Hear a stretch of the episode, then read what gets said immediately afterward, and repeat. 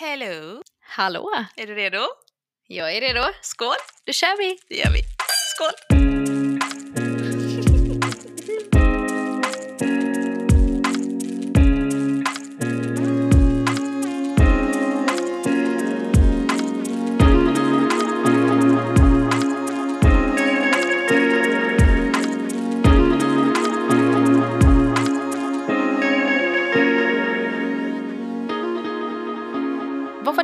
Sista du såg på Netflix?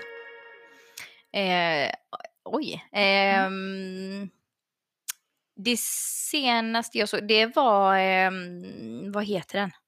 You don't know me heter den. Mm. För det var ju den, jag, tip, jag har ju tipsat dig om den faktiskt. Ja, Har du hunnit se den? jag har faktiskt det. Har du? Ja, jag har börjat. Det, det är en miniserie, eller hur? Ja, det är en miniserie. Mm. Jag började faktiskt efter att du tipsade mig. Jag har kommit halvvägs typ. Oj. Ja. Jag tyckte ju att den var alltså, extremt bra. Mm. Jag vet inte om den är så bra som jag tyckte. Eh, jag älskade den. Alltså den, den, den börjar ju egentligen med att det är en eh, man, Mm. en kille som står i en rättssal och han är anklagad för mord. Mm. Eh, och där börjar hans berättelse då ju hur Mm. det egentligen gick till enligt honom. Mm. Och den är otrolig tycker jag. Ja. Hur känner du så här långt? Alltså, jag vet inte. Jag har svårt för den. Jag har jättesvårt för den. Varför tror du? Jag ser och hör och märker exakt det som du tycker är intressant. Ja. Men jag tror att den är för långsam för mig. Den är långsam. Den är långsam och jag med min hyperaktivitet, det måste gå lite snabbare för mig. Så att det, det är för, eh, den är jätteintressant. Alltså jag gillar storylinen, jag gillar hela upplägget, jag gillar allt. Men det, jag hinner bli rastlös däremellan. Och det är Du hade behövt bara, spola. Ja, precis. Jag hade behövt se den i snabbspolning typ. Ja. Eh, och, jag, och jag tror det bara är på grund av min hyperaktivitet. Som, sådär. Men annars, den är jätteintressant och jag har sett hälften. Ja. Så, mm, Vi får se om du orkar se ja, klart. jo men det måste jag göra. Jag kan inte inte se klart.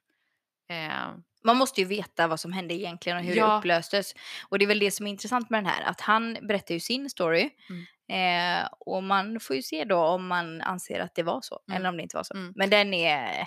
och jag tror, Otrolig. jag tror att det som, jag, som gör det svårt för mig är att jag kan inte sitta och förutspå slutet som jag brukar vilja göra när jag ser filmer. Jag Mm. vill ju alltid veta slutet. Ja. Och den här är ju så invecklad så att jag kan inte sitta och liksom bara, ah, men jag tror den slutar så här och så vill jag se, och så vill jag se om jag har rätt eller inte. Den här går för långsamt för mig så jag tror det är det som gör att jag blir seg. Men den är intressant. Ja, Mm. vi får se om du Mm. orkar. Mm. Vad, se, vad är det senaste du har sett?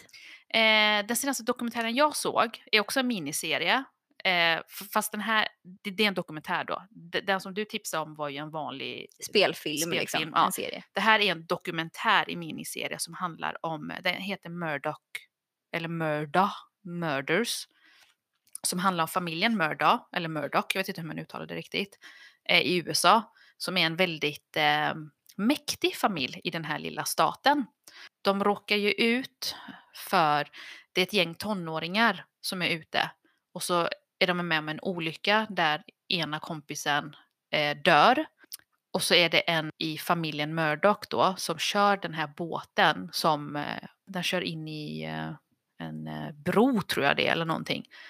Ja, de är i alla fall med om en olyckshändelse. Och så dör den här eh, flickan, kompisen. Och han blir ju då anklagad för mordet på henne då. Men eftersom den här familjen är så mäktig så klarar de ju av att sopa, det, sopa bort det.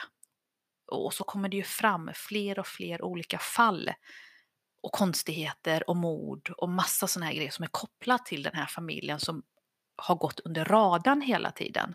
Eh, och nu blir det ju lite, nu kanske jag avslöjar för mycket så vi får väl säga spoiler alert någonstans i våran beskrivning sen. Eh, men den är jätte, jätteintressant och det jag gillar med den är att man får se riktiga bilder. Alltså man får ju se när polisen kommer till brottsplatsen eller olycksplatsen så har ju polisen sådana här kameror på sina, på sina bröst.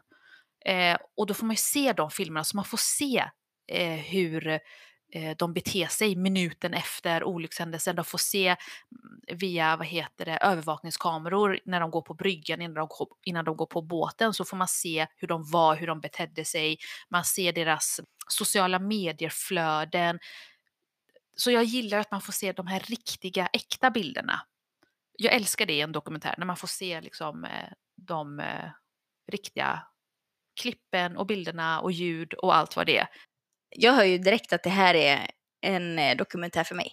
Ja, jag tror verkligen att du hade gillat den. Jag rekommenderar den väldigt, väldigt starkt. Den är så intressant och det lilla jag sa nu, det är ingenting jämfört med alltså, vad som händer sen i kommande avsnitt. Det blir bara mer och mer intressant och sjukt. Ja, jag måste kolla in. Ja, det måste du. Det kommer jag göra. Ja, gör det. Mur Murdoch Murders på Netflix.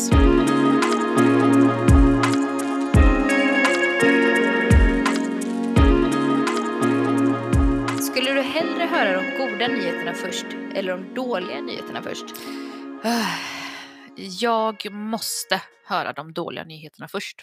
Varför? Eh, för att jag kan inte fokusera på de eh, bra nyheterna annars. Eller vänta nu, vänta lite. Vad, vad sa jag? Jag måste... Ja, du sa rätt, Ja, tror jag. Utefter vem du är som person. jag måste höra de dåliga nyheterna först. För Ja. att om jag skulle höra de bra nyheterna först, då kan jag inte fokusera på det bra för att jag sitter och bara väntar in vad, vad var det dåliga jag skulle höra. så är det. Så jag måste få det dåliga först, för, så att jag sen kan fokusera på det som är bra. För jag kan inte göra det omvänt. Kan det här hänga ihop med att vi har katastroftänk? jag? Jag tror det. Jag tror det. Alltså, vi väntar oss en katastrof, det Ja. är därför vi inte kan fokusera. Exakt. Ja. Och liksom jag bara mm, känner ju hur pulsen går upp och hur man hinner tänka värsta tänkbara scenario. Så att det går ju inte ens fokusera på det bra om man vet att man ska få en dålig nyhet sen. Nej, jag vet. Så hemskt. Men tror du att det kan vara så? För jag tänker typ om man är lite mer eh, optimistiskt lagd, Mm. att man kanske tänker sådär, jag vill ha de goda nyheterna först för då har jag lättare att ta eh, de dåliga nyheterna som kommer sen. Ja, så kan det vara. Samtidigt som jag inte vill se mig själv som en pessimist, för det tycker jag inte att jag är. Jag är bara en väldigt... Realist är vi. Ja, men samtidigt så Realister. tror jag att jag är en väldigt känslig själ bara. Jag, jag är liksom rädd. Mm. Även om jag är optimist. Är jag det? Men jag tycker inte jag är pessimist. Jag Alltså, går jag- inte runt och tycker att saker och ting, jag förväntar mig inte det värsta. Men jag är rädd för det värsta. Jag är Exakt. extremt orolig själ. Jag skulle inte kalla mig själv för en optimist direkt. Nej, men vi ju så inte, långt går jag nej. inte. men Eh, pessimister men är vi ju inte. Pessimister är vi nog inte. nej. Men vi, Är alltså jag, jag vill rädda. gå så långt och säga att vi är realister.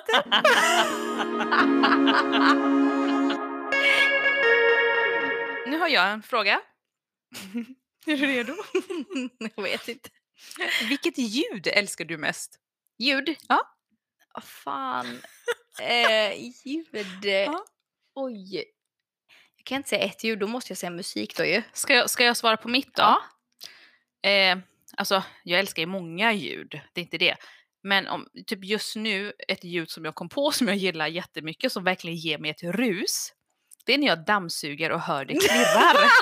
inte dammsuger, alltså inte ljudet av dammsugaren, Nej. men du vet när man När du dammsuger suger upp grejer. ja, och jag hör att det klirrar. Det här är ju i hallen man gör det här. Jag älskar det ljudet för då känner jag verkligen att det blir rent. Ja. Det är sant. Ja. Det här är satisfying. Mm. Visst är det? Ja. Visst är det en satisfying ljud? Det här är när man står i hallen och på dörrmattan Mm. och det här, det är då det rasslar Mm, riktigt. mm. Ja, jag det älskar det ljudet. Ja, fan. Mm. Men sen gillar gillar, jag ju. sen gillar jag ljudet av regn och du vet, det här vanliga. Men det är liksom ett, ett udda ljud som jag kunde komma att tänka på. Det är när det typ så här rasslar till i dammsugaren. har du, vad gillar du för ljud? Vad sjukt att Ja. jag aldrig har tänkt på ett ljud jag gillar. Men gillar du inte ljudet av liksom eh, en bäck som rinner vatten? Mm, Nej. Regn? Nej. Gör jag det? Alltså jag kanske kan tycka, eh, är, det, är det stämning för det så att säga? Mm. Nej men vet du vad jag gillar? Ja. Kan jag på nu? Mm. Jag tänkte säga att är det stämning sådär man är inne och det är mysigt och man slipper gå ut, då är Mm. det mysigt med regnljud och sådär. Mm. Men det jag kom på nu det är ju brasa. Jag tänkte exakt det på det. smattrar. Ja, jag tänkte exakt på det. Älskar det. Ja. Det får man ju lite, lite grann en sån här minidos när man tänder ett ljus bara. Mm. Fast det är väl ett ljud, ett ljud man bara gillar när det är vinter. Jag kan inte tänka mig att man gillar det när det är sommar. Nej, det tror jag inte. Det tror jag inte man gör. Nej. Nej. Men det gillar jag vet jag. Ja. Jag brukar ju sätta på, det här är ju så jävla fake Ja. när man inte har någon brasa längre, eh, att jag brukar sätta på på tvn. För jag vet, Så här, på Youtube. Open fireplace. på Youtube, eller hur? Ja, Sån jävla nybörjare. Och så där är det ju ett litet så här sprakande. Jättebehagligt. Ja, gillar jag. Och visst inbillar man sig att det blir varmare också? Ja, så mys. Via tvn. Det är som mysfaktor. Jag vet. Sån mys. är det okej att använda din väns tandborste utan att säga det till den? Ja, men, uh, nej! Det är inte okej att använda den och säga det. Det är inte okej att använda den överhuvudtaget. Jag hade sagt det. Hade du använt den? Ja, fast jag hade sagt det innan då ju. Jag hade inte gått och använt tandborsten och sen sagt jag har haft din tandborste Men i min mun. Kan du använda en annan persons tandborste? Ja, det hade jag kunnat göra absolut om det var alltså, en nära vän som jag Jag obviously spyr, inte tycker är äcklig. jag tycker jag spyr i min mun nu. Gör du det? Ja. Ja, jag, jag tänkte mig det här. När jag tog den här frågan tänkte jag hon kommer bli äcklad. Ja. Mm, nej. Nej, nej, nej. Ja. Alltså jag tänker bara så här. Jag blir bara äcklad om jag känner att det är en äcklig tandborste Ja. eller en äcklig person. Men varför använder man någon annans tandborste? Nej, det ska man inte göra. Men om det är så. Men använder du inte heller fingret? Typ så här tar eh, tandkräm på fingret? Jo, jo kanske. Men om jag är med min nära vän som jag inte Mm. tycker är äcklig, obviously det tycker jag inte att någon av mina vänner är. Nej. Och om jag inte tycker att tandborsten är äcklig, för du vet hur äckliga tandborstar kan se ut. Jag är i chock. Ja, Jag så är, är i det. chock. Så här är det. Mm. Hur som helst, det är Ja. inte okej, tycker inte jag, Nej. att använda den och sen inte säga något. Nej. Jag är bara mer i chock över ens att använda en annan människas tandborste. Skulle du aldrig göra det? Aldrig i hela Okej, men mitt då liv. blir en följdfråga. Skulle Ja. du använda din sambos Aldrig. tandborste? Aldrig. Varför? Ja, alltså för mig är det som att använda någon annans toapapper. Va? Ja. Nej, nej, alltså, nej, nej, jag kan inte använda, nej. Vet du hur mycket bakterier, alltså det är nästan så att man inte ens ska använda samma tandkrämstub för att det nuddar tandborsten. Du vet, nu är vi inne på det här med toalett och spola och, och hela den Ah, biten. Jag sitter storögd och tittar på dig nu. Ja, nej. Nej Martina, vem är du? Nej, nu får jag backa då. Får jag aldrig göra det. Någonsin. nej men alltså jag tänker bara att det, det nej. Nej, det tänker du att man inte gör. nej. Nej. För att Nej. för mig är det som att använda någon annans toapapper. Eller någon annans använda binda typ. Nej. Nej, nej okej. Nej. Ja, det hade jag inte gjort. Men nu blir jag jättenyfiken på hur många som kan tänka sig göra det här. Om det är bara jag som är extrem. Eller om det är Ja. du som är extrem. Ja. Alltså jag hade ju inte tagit vem som helst. Nej, det fattar jag ju. Nej, det utan jag det är ju just typ en nära vän eller en Mm. familje... Ja, det beror på lite. Mm. Ja. Eh, men, men som sagt, tandborsten måste vara fräsch. Jag måste se att den ser fräsch ut. Om den Ja, ser ut lika jag. fräsch som min, Mm. då är det lugnt. För då kan inte jag se att det har varit något problem här. Oj. Nej, jag vet inte. Jag skulle aldrig kunna tänka mig det. Aldrig. Är det för äckligt? Nej, men jag tänker att det är bakterier. Alltså, ja, jag vet inte. Ja, det är ju säkert munbakterier. Alltså, så det är det säkert. extremt mycket bakterier, tänker jag. Ja. Men om du hånglar med någon så blir det ungefär samma Jag sak. vet, jag vet. Det är tänker det jag, jag. tänker på. Men Ja. å andra sidan så tänker jag... Jag vet inte. Jag, nej, jag, Nej, nej. Du är tveksam i frågan. Jag, alltså, Saken är ju den, om man hånglar med någon så byter man ju ändå de där bakterierna. Det gör, det man, gör ju. man ju. Men det man inte gör är ju att eh, sopa rent någons matrest. Exakt! som man gör med en Exakt. tandborste. Exakt. Och sen, ja.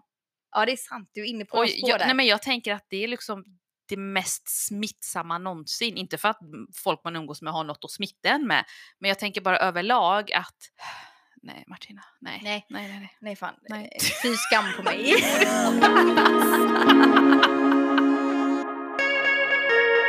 Jag har en fråga till dig som jag tror jag vet svaret på. Mhm. Men jag tänker att jag ställer dig frågan ändå för jag vill se om jag har rätt. Mm. Är du redo? Jag är redo. Eh, vilka typer av konversationer gör dig obekväm? Jag, alltså jag är ganska säker på att jag vet svaret på denna men jag vill eh, ja, veta om jag rätt. Ja, jag vet att du vet svaret på den här. Mm. Så tänker jag. Ska jag säga vad Ja, jag säg. tror så får du säga om det är Ja, rätt. Mm. Jag tror, eller jag vet, att du blir väldigt obekväm i konversationer där du får någon typ av komplimang. Ja, Du har jättesvårt att ta emot komplimanger. exakt. det är ju någonting vi. vi har gemensamt. Ja, det Ja. har vi gemensamt. Eh, men det är exakt så. Jag, Mm. eh, jag har jättesvårt att ta emot komplimanger och jag vet inte varför det är på det sättet. Men jag har eh, jättesvårt när någon ger mig en komplimang för då är jag tvungen att eh, på något konstigt sätt börja kasta över det på den andra personen. Och säga att nej men du är ju det eller du är så fin Mm. idag eller och Varför gör man så? Ja, Varför det, är- minimerar det, man det, är sin... nästan, det är nästan ännu mer pinsamt Mm. att man gör så. Ja. För situationen blir ju väldigt konstig. Blir det inte så att man nästan säger nej och så för att få den andra att ge mer komplimanger, men det är det är ju inte det Ja, man gud, ja. menar. Men jag Nej. tänker att den andra kan tro det. Att, nej men nu försöker hon sitta här och minimera det så att jag ska ösa på med mer. Ja, för det gör man ju gärna Mm. när någon gör så. Jag vet Ja. att jag gör så. Mm. Om någon minimerar sig själva så ökar ju de ännu mer. Så att vi har ju ett problem där. Men jag vet inte varför det är så. Men känner du så här då? För att jag gillar ju inte heller att få komplimanger. Jag blir, Nej. ju- jag blir ju helt stel. Däremot har jag ju tränat väldigt mycket på att bara säga åh tack vad du är snäll, typ så här. För att gå vidare, för jag vet att då kan jag avbryta det ganska fort. Men känner du någon skillnad på om du får komplimanger, låt säga gällande ditt utseende, kläder, gentemot om du får komplimanger för liksom, men gud vad smart du var, eller gud, typ om din personlighet. För att jag känner ju att jag tar inte alls åt mig om någon säger, men gud vad jag tycker du var fin i håret, eller vad jag tycker du är fin eller vacker och sådana här grejer. Jag kan ju bli smickrad, men det är liksom ingenting jag tar in på djupet för jag bryr mig inte det minsta. Men jag kan ju må riktigt bra av om någon ger mig en komplimang kring så här, men jag gillar din personlighet eller gud vad jag tyckte du var smart där eller skarp. Det mår jag riktigt bra av, sådana komplimanger. Ja. Då känner jag liksom bara wow, gud vad, vad skönt och härligt att höra. Men jag kan liksom vifta bort om det gäller utseende och liksom kläder och sådana här grejer. Hur är du blir där? Ju, det blir ju lite djupare då Ja. ju. Eh, jag eh, kan ju, alltså kring att man har då, för det är oftast det man får då, kanske att du har en fin tröja eller du har Mm. fin. Eh, det tar jag inte åt mig. Eh, Nej, man gör ju någonting, inte det. Utan det är ju en, en tröja som jag har på mig den dagen bara. Ja. Så att eh, kläder och så vidare, det känner jag ingenting för. Men däremot så kan jag tycka att Eh, jag kan tycka att det är fint eh, oavsett om det är någon som säger till mig att jag tyckte att du sa någonting bra där eller Mm. gud vad du var bra på det mötet eller vad du lyfte bra saker Mm. eller vad du kom med kloka tankar Mm. och sådär. Någonting som har med mig att göra som jag har sagt eller gjort eller som har med min liksom, som är lite djupare då. Mm. Eh, eller att någon kommer och säger någonting om att eh, även om det är utseendebaserat men Mm. att det kanske handlar om mig som person och jag ser ut eller Mm. så, så kan jag tycka att det är väldigt fint eh, jag kan bli väldigt glad av, inte så mycket vad det handlar om, Mm. utan mycket mer av att den här personen vill komma och säga det till mig. Att jag tycker att det är Ja. väldigt fint att den här personen kanske kommer och bara, jag stötte ju på det igår, Mm. det berättade jag ju för dig. Mm. Eh, Att jag träffade en person som jag inte känner, Mm. men som jobbar i närheten av mig och sådär, Mm. som ändå är en person som jobbar i samma lokal och sådär. Och som sa en, eh, som kom med en jättefin komplimang till mig, men det var ju utseendebaserat. Mm. Eh, Och det var ju att hon pratade om mina ögon. Men det var ju så himla fint för då tänkte jag ju bara så här efteråt. Det var inte det att jag tänkte gud, ja det var ju verkligen så med mina ögon. det var inte så att man tar åt sig på det sättet men det man gör anser jag det är att man blir väldigt glad att någon annan person tar sig engagemanget på något sätt och Mm. tiden och sådär. Att de vill säga det till mig. Mm. Att Vi- de går fram och säger det till mig. Det tycker jag är så himla, det är ju upplyftande bara det att någon väljer att göra det. Mm. Och vet du vad jag känner där då? Eller, jag känner att jag borde bli bättre på det. Jag är ju en person som kan se mycket bra hos andra och liksom verkligen känna gud vad jag gillar det här eller åh vad det här var bra och, och, och liksom sådär. Men jag skäms, alltså lika mycket som jag skäms för att ta emot komplimanger, av någon anledning så skäms jag lika mycket över att ge komplimanger. Och jag känner att jag behöver bli bättre på det. Jag behöver bli Mm. bättre på att ge komplimanger till folk i min närhet. Däremot är jag ju bra på det i skrift, Det är det ju. men inte live. Live, jag vet inte. Det är, jag skäms alltså. Tror du att det är för att du tycker det är jobbigt att ta emot det också? Och då tänker du att folk kommer tycka det är jobbigt att ta emot det om jag säger det till dem också? Jag tror det. Plus att jag känner mig liksom så här phony när jag säger någonting. Det känns som att så här, åh, nu tror den här personen jag bara säger det för att... Eh, För att säga det? För att säga det, men jag menar ju det. Och så orkar inte jag hamna i en situation där jag ger någon en komplimang och så ska de minimera det och blåsa bort det och så ska jag övertala det, men jag menar det här liksom. Nej. Så, så att jag har ju mycket lättare för det i skrift. Och det är samma med att visa kärlek. Jag är ju inte en sån här touchy-touchy, krama, pussas, gumman, hej älskling person live. Men i text kan jag vara så. alltså, det är helt sjukt. Du är ju inte kramig. Nej, det är jag inte. inte men med vissa, det är det som är det sjuka. mina närmsta vänner, vi är ju inte sådär mm, fysiska. Men sen har jag typ en vän som det går hur bra som helst att vara kramgod med. För att hon har alltid varit sån och det är inte awkward med henne. Men sen kan jag ha jätte, jättenära vänner där jag känner liksom att åh herregud min fot nuddar hennes ben. Öh, nu får jag flytta på benet liksom. För att, för att det blir awkward typ. Ja.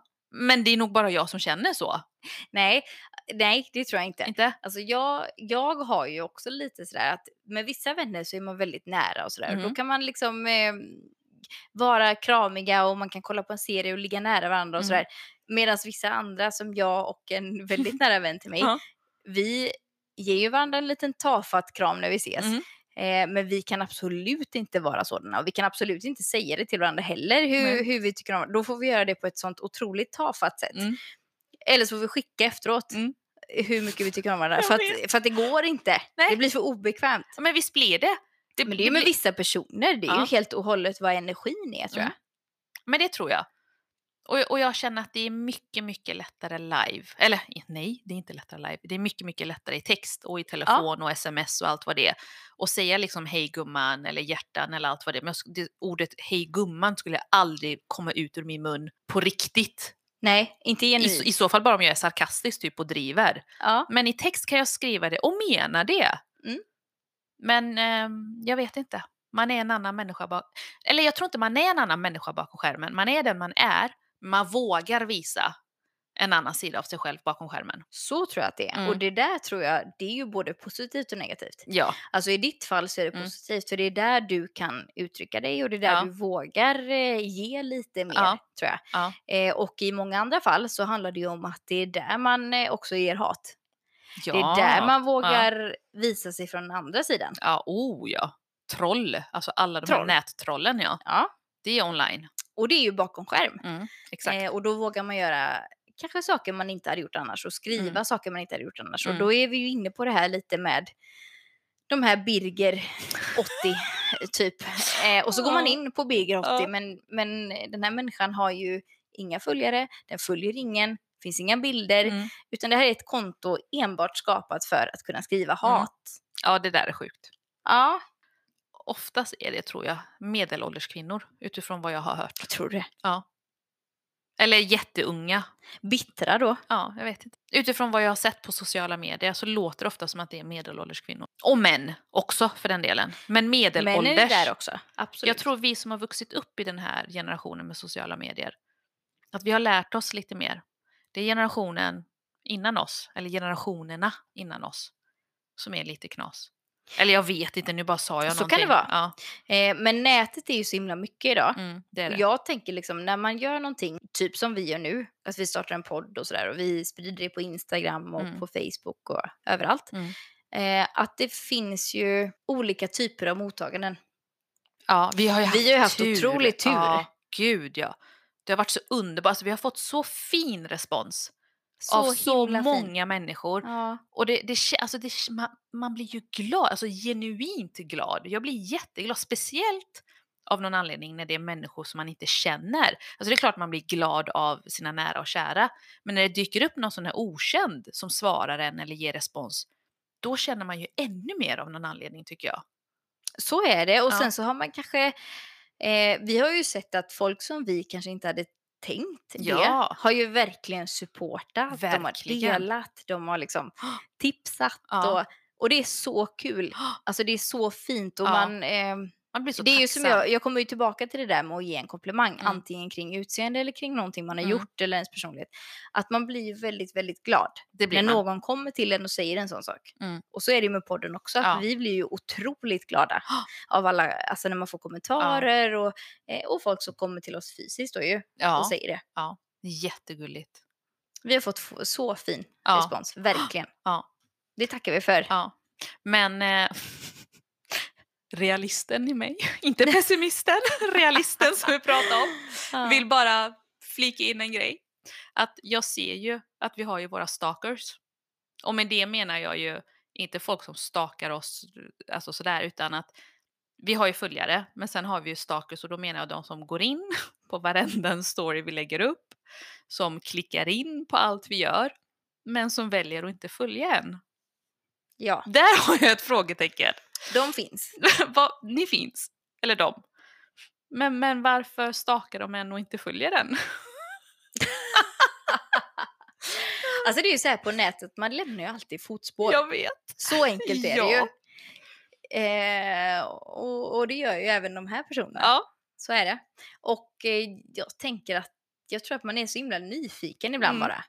Jo, men det är det jag menar. Och, och är man så pass nyfiken att man typ stakar den och går in på alla stories. Ni vet att ni kan följa oss. ni får fortsätta supporta på distans. Men eh, det är fritt fram att följa. Men, Men det är ju så himla viktigt också att man supportar sånt som man tycker om. Det tycker ju vi. Eh, och sen så, det är ju likadant, alltså det är ju viktigt att man, om det är någon man tycker om, att man supportar det som den personen gör. Eh, och det har ju vi fått erfara, för vi har fått de här fina, alltså fina responsen på våran podd och man blir så himla glad. Och vi, jag har ju också en väldigt nära vän som har eh, startat en second hand-butik med sin sambo. 2019 startade de den. Eh, som går väldigt bra för dem ju. Eh, och det är en sån här väldigt trevlig, välsorterad second hand-butik. Eh, och den ligger i Kungälv faktiskt, på Västra Gatan. Mm. 67 närmare bestämt. Vad mysigt. Eh, och det är också en sån där grej, då har man ju såklart velat dela Mm. det de gör och velat supporta det de gör och nu går det otroligt bra för Mm. dem, vilket jag är så himla glad för. Ehm, men det är ju sånt där som är så kul, när man kan stötta varandra och när man kan visa att det här är bra grejer. Så det här är ett tips för er nu som lyssnar, att åk till Kungälv, åk till Västra Gatan 67 eh, och kika in, för butiken heter Viggo Lova. Mm. Och det här är egentligen deras barns namn. Ja, Viggo och Lova. Ja, Ja, så är det. gulligt. så jävla gulligt. Ja. Och man kan också hitta dem på Instagram och på Facebook och där heter de Viggo Lova. Mm. Eh, så kika in det. Och jag tycker, på tal om att supporta, så tycker jag att nu för tiden så har man ju blivit mycket bättre på sociala medier. I alla fall kvinnor sinsemellan. Vad, vad, är de... Det finns någon hashtag, nu kommer jag inte ihåg vad den heter. Typ support women eh, någonting, någonting. Det, det, det är typ en trend nu. Där kvinnor ska lyfta varandras businesses. Och det tycker jag är jättekul faktiskt. Att eh, Women supporting women tror jag det heter. Så kan det heta. Ja. Ja. Ehm, och det tycker jag är så himla bra. För att du sa ju häromdagen att man förlorar ju inte själv. Exakt. Ja, Det finns ingenting, alltså du kan aldrig bli sänkt av att hjälpa någon annan. nej. Det är bara så. Det är som att du får färre följare av att du rekommenderar någon annan. Nej. Och det behöver vi ju bli bättre på överlag. Mm. Online och i sociala medier tänker jag. Även om det är bra nu. Att man kan bli ännu bättre. Jag tror att alla behöver tänka på det. Ja. Att jag kommer aldrig hamna längre ner eller få färre följare Mm. för att du får fler följare. Exakt. Så enkelt är det. Women supporting women. Exakt. Eh, på tal om sociala medier så har ju du faktiskt varit utsatt online, eller hur? Jag har ju det. Eh, för någon som utgav sig för att vara mig. Då ju. Mm. Eh, och det är ju, alltså det är ju jättelänge sedan nu. Eh, men det här var ju, det som eh, hände mig var ju att en kille som jag träffade, eh, jag dejtade honom för väldigt många år sedan. Eh, och ungefär tre år alltså, efter jag hade avslutat relationen till honom, eh, så fick jag ett meddelande på Instagram en dag. Vad stod det på det? Det var från en random tjej, någon jag inte hade någon aning om vem det var. Och hon skickade en länk till mig på ett Twitterkonto och skrev, är det här verkligen du? Men eh, visste hon vem du var? Alltså det, det, det, här, Jaha. det här har jag så svårt att minnas idag. Ja. Hur hon ens... Undrade om Eh, det var du? Ja, varför undrar hon om det var jag? Jag vet inte det än Mm. idag egentligen. Mm. Och jag tänkte när jag såg den här länken så tänkte jag så här, det där är en sån här bedrägeri. eh, Du vet när man får, Mm. är det här foton på dig typ? Mm. Och så är det någon bedrägeri. Eh, men av någon anledning så kände jag att hon var legit så. Så att jag gick in på länken. Och det var ju då en, ett konto i mitt namn eh, med bilder på mig. Eh, och ganska så snabbt så såg man liksom att eh, det var ju den här killen som hade gjort det här kontot. Vad var mig. det för app nu igen? Det var Twitter. Ah, okay. Ehm, Och man såg det för att han hade ju skapat liksom ett konto till mig som var jag. Eh, och sen hade han sitt konto i sitt riktiga namn då ju. Med sina bilder och allting. Så det framgick ju väldigt fort att det var han som hade gjort det här liksom. Eh, och där på det här kontot så hade han liksom skapat en liten värld. Eh, där han använde sig av det här fejkkontot och sitt egna konto med sitt namn och det här. Men så hade han också gjort fejkkonton alltså till mina vänner, om mina vänner. Okej. med deras namn och Ja. deras bilder och sådär. Väldigt realistiskt ändå. Han hade inte ägnat sig så mycket åt dem. Han hade mer gjort så här namn och bild och sådär. Så räckte han, han nöjde sig med det liksom. Mm. Eh, men han hade gjort det för att, det, för att han skulle liksom bygga upp en liten värld där. Eh, som då skulle se ut som att vi fortsatt var i en relation, jag och han. Och han hade ju något, något låtsasförhållande då som han hade byggt upp där och det här var ju under flera år. Eh, för det här kontot när jag hittade det, det hade ju alltså varit aktivt, alltså ända sedan jag avslutade den här relationen. Så efter att ni gjorde slut så går han och fortsätter er relation online. Och inte nog med att han fejkar ditt konto och så har han sitt egna, så har han också fejkat dina vänner. Ja, och, och min gissning eller min, min känsla var ju att det var för att just göra det mer Ja. realistiskt liksom. Ja. Att då fanns de också där, då Mm. var de också eh, bidragande i konversationerna som han förde med sig själv egentligen. Han har skapat en cybervärld. Ja, en Ja. hel cybervärld för sig själv och mig Mm. egentligen då. Mm. Eh, och grejen var att vid det här laget, det var ju cirka tre år efter jag hade avslutat, eh, och då var vi fortfarande vänner på Facebook, jag och han. Mm. Och det här gjorde ju liksom att genom min Facebook-sida som han då var vän med, så kunde han se allting. Han kunde ju ha tillgång till mina bilder, han hade tillgång till mina incheckningar jag gjorde på olika ställen. Eh, och det här kom jag ju på sen när jag läste igenom sidan, liksom, att det är ju så han har fått sin info då egentligen. Och när jag gick igenom det här kontot så såg jag ju liksom att för varje då inlägg eller incheckning så hade han ju liksom använt sig av alltså mitt konto, mitt Facebook-konto, mitt riktiga konto. Eh, och lagt upp allting som att det var jag och han som gjorde de sakerna, eller var på de ställena. Eller, alltså han hade ju följt varenda steg. Så han hade följt dig i typ realtid på dina riktiga sociala medier. Ja, Och sen kopierat det på fake Twitter-kontot som typ är ditt då. ja. Alltså typ lagt Ja. in, för när jag var ju på någon konsert då liksom på Scandinavium eh, med min mamma och då hade han ju lagt ut det liksom. Eh, för jag hade ju checkat in på Facebook och lagt ut bilder och sådär. Och då hade han lagt ut det, tagit bilderna och lagt ut att det var jag och han som var där på den här Winnerbäck-konserten. Mm. Och det var ju också, alltså det var ju så många sådana här tillfällen, men vi åkte ju varje år till Branäs, jag och min familj, Mm. vid nyår varje år. Och jag kunde ju se liksom på den här Twittersidan att alltså varje år sen det tog slut så la han ut och fick det att se ut som att han var där med oss, alltså med min familj. Så han hade fejkat, alltså han hade fortsatt fejka ert liv vidare i tre år. Ja, alltså verkligen. gjort Ja. Det. Och det här är ju bara ett axplock alltså. Men så Ja. här såg det ut med precis allting som jag hade gjort eller checkat in eller bilder jag lagt ut Mm. eller sådär. Eh, Och han hade ju lagt ut alltså en ofantlig mängd innehåll alltså på det här kontot om vårt låtsasförhållande. Och det som var, alltså bara för att ge en, en bild av det här då, så var det liksom att vid något tillfälle till och med så hade han låts, låtsats då på kontona att vi hade åkt iväg tillsammans eh, med någon av de här fejkkontona då, alltså Mm. fejkvännerna till mig. Mm. Eh, så vi hade åkt någonstans eh, och sovit borta och sådär. Och då hade han lagt ut ifrån den här fejkvännens konto då och taggat mig och honom.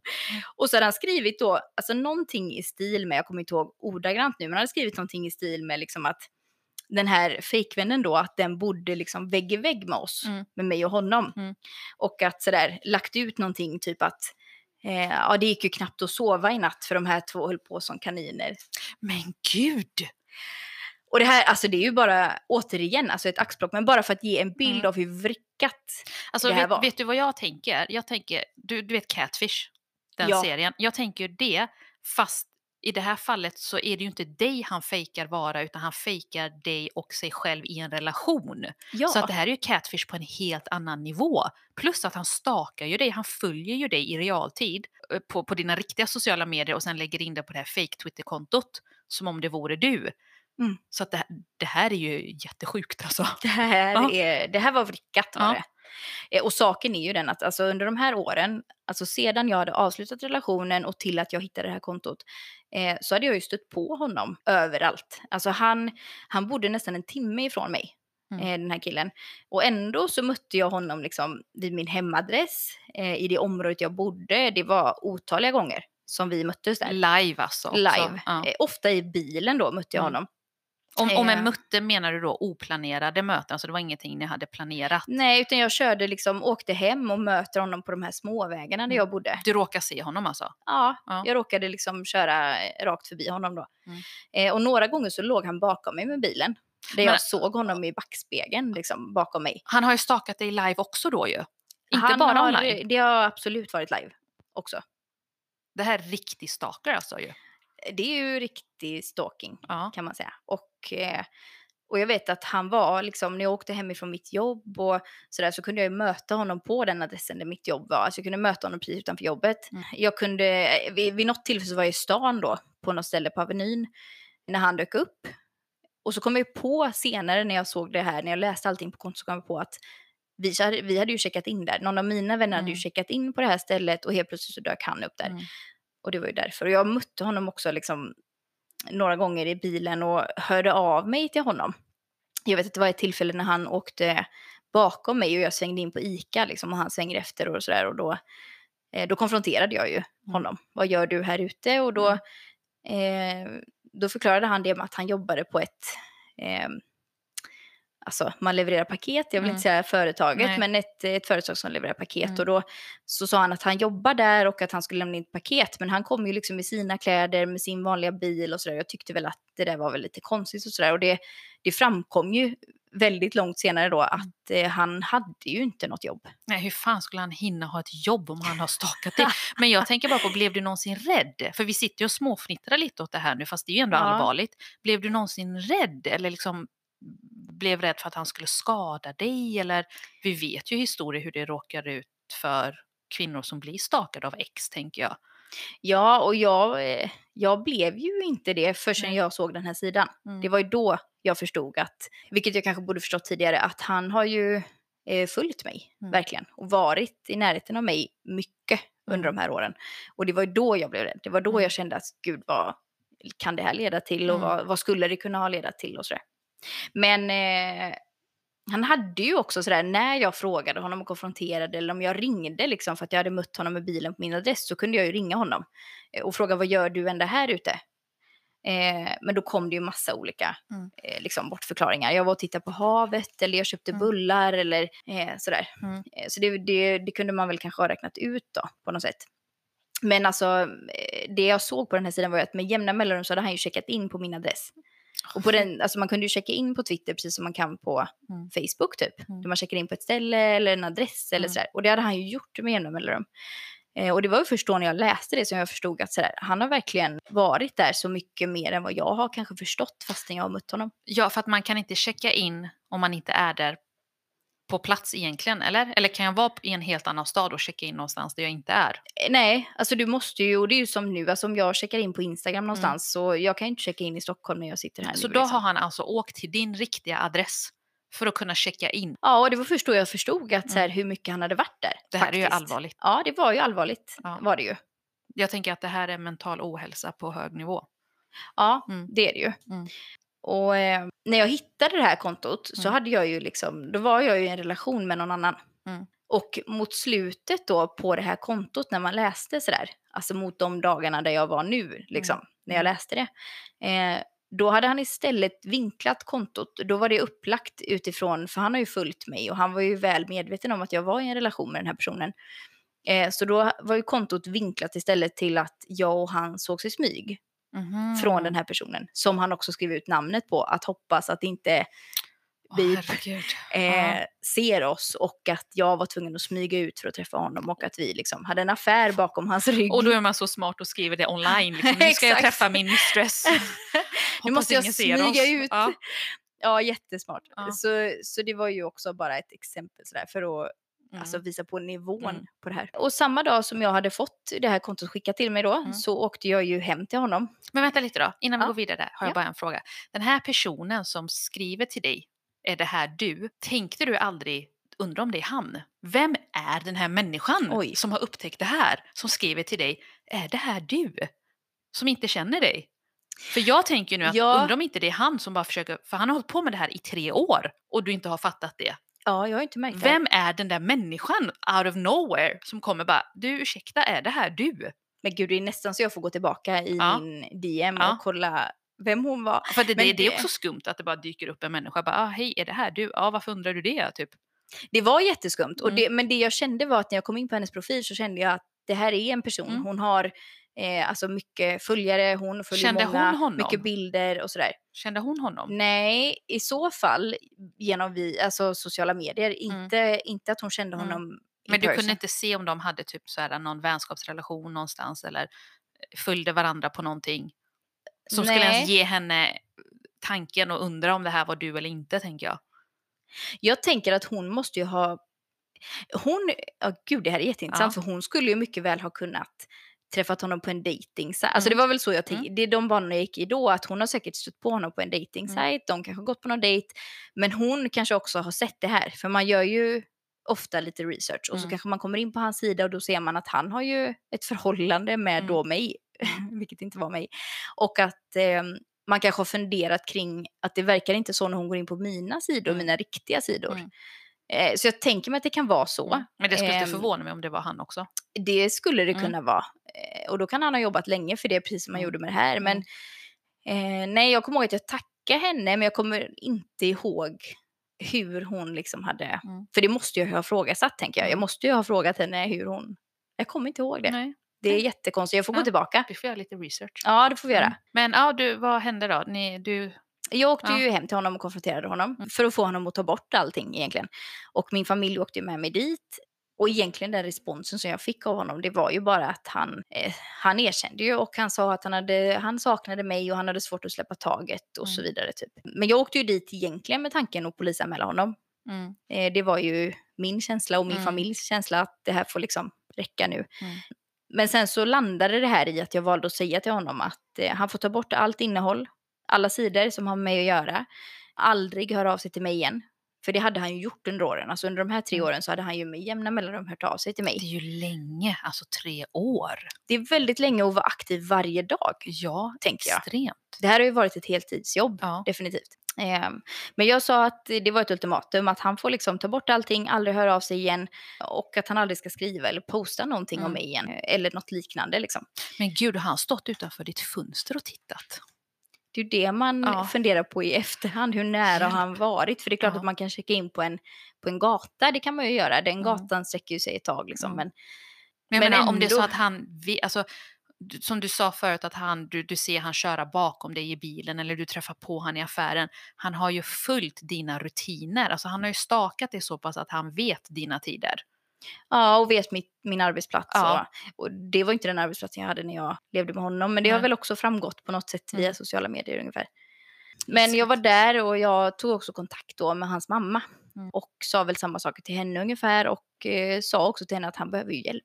Ja, det är det. Det mm, ganska obvious. Ja, och det, det kände väl hon Mm. också när hon fick till sig det här då.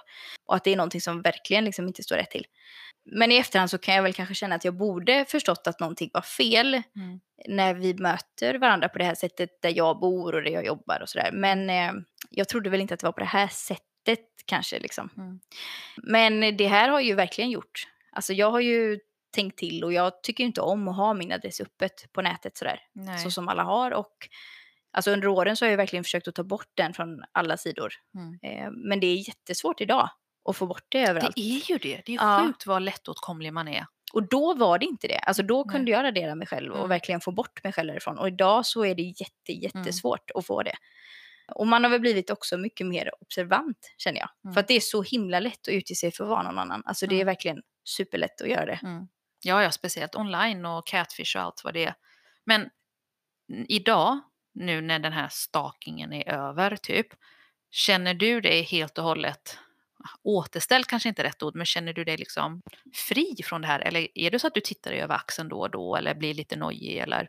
Jag blir absolut nojig. Mm. Eh, och jag är nojig för att min adress syns och för att Mm. jag går att hitta. Och, eh, jag kollar mig över axeln och det är väl inte egentligen för att jag går runt och är rädd men det är väl för att det är en obehagskänsla. Mm. Eh, att det kanske finns någon som tittar på en. Mm. Liksom. Och jag är väl också lite observant och rädd att stöta på någon igen Mm. som kanske gör någonting liknande. Typ.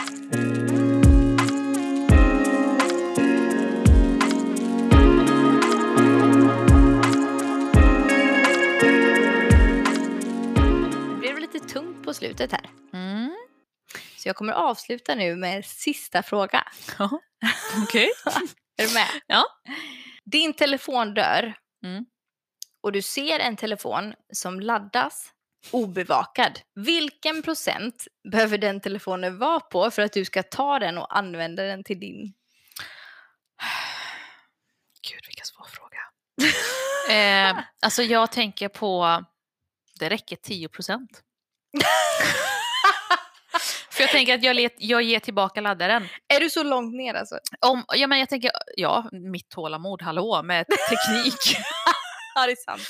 Nej, men jag tänker 10 procent, då klarar den ju av i alla fall att ta emot ett samtal eller göra någonting akut i 5-10 minuter. Så hinner jag ladda upp min också till 15 procent typ. Och så får den tillbaka laddaren. Jag hade sagt 20 procent. Nej. Jo, för jag hade... Nej. Jag hade sagt så här. Hade jag känt att den telefonen hade haft 20 procent, då är jag Mm. nöjd. Mm. För då tycker jag att den här personen kommer klara sig hem i alla fall, om den ska hem. Jaha, du tänker att den inte får fortsätta ladda efter du tar laddaren? Det vet inte jag, för jag vet inte om Mm. den hinner göra det. Mm. Eh, men förutsatt att den inte gör det så hade jag tänkt också att min telefon behöver vara på 20 procent innan jag går därifrån. Så vi har ju ett problem. Okej, är det så att personen inte får fortsätta ladda, Kanske inte. nej, då tänker jag 25 procent. Då är det en kvart Jaha. i alla fall. Oj. En kvarts, alltså en kvarts fylld. Eh, men annars tänker jag 10 procent, du klarar det i 5-10 minuter medan jag laddar min upp till 10 procent och sen får du fortsätta ladda. Kommer du gå sen? Ja, för jag tror att jag klarar mig. Var är jag då? Och hur lång tid tar det hem? alltså den här frågan kräver för mycket följdfrågor. Okej, men egentligen. Ditt svar är 10 procent. Mitt är 20. Beroende på dag, tid, Beroende på tålamod. också. område och tålamod. Ja. Vet du vad? Ja, ska vi avsluta? Ja, Ja. det är färdigt för idag. Tack för det här avsnittet. då. Skål! Skål!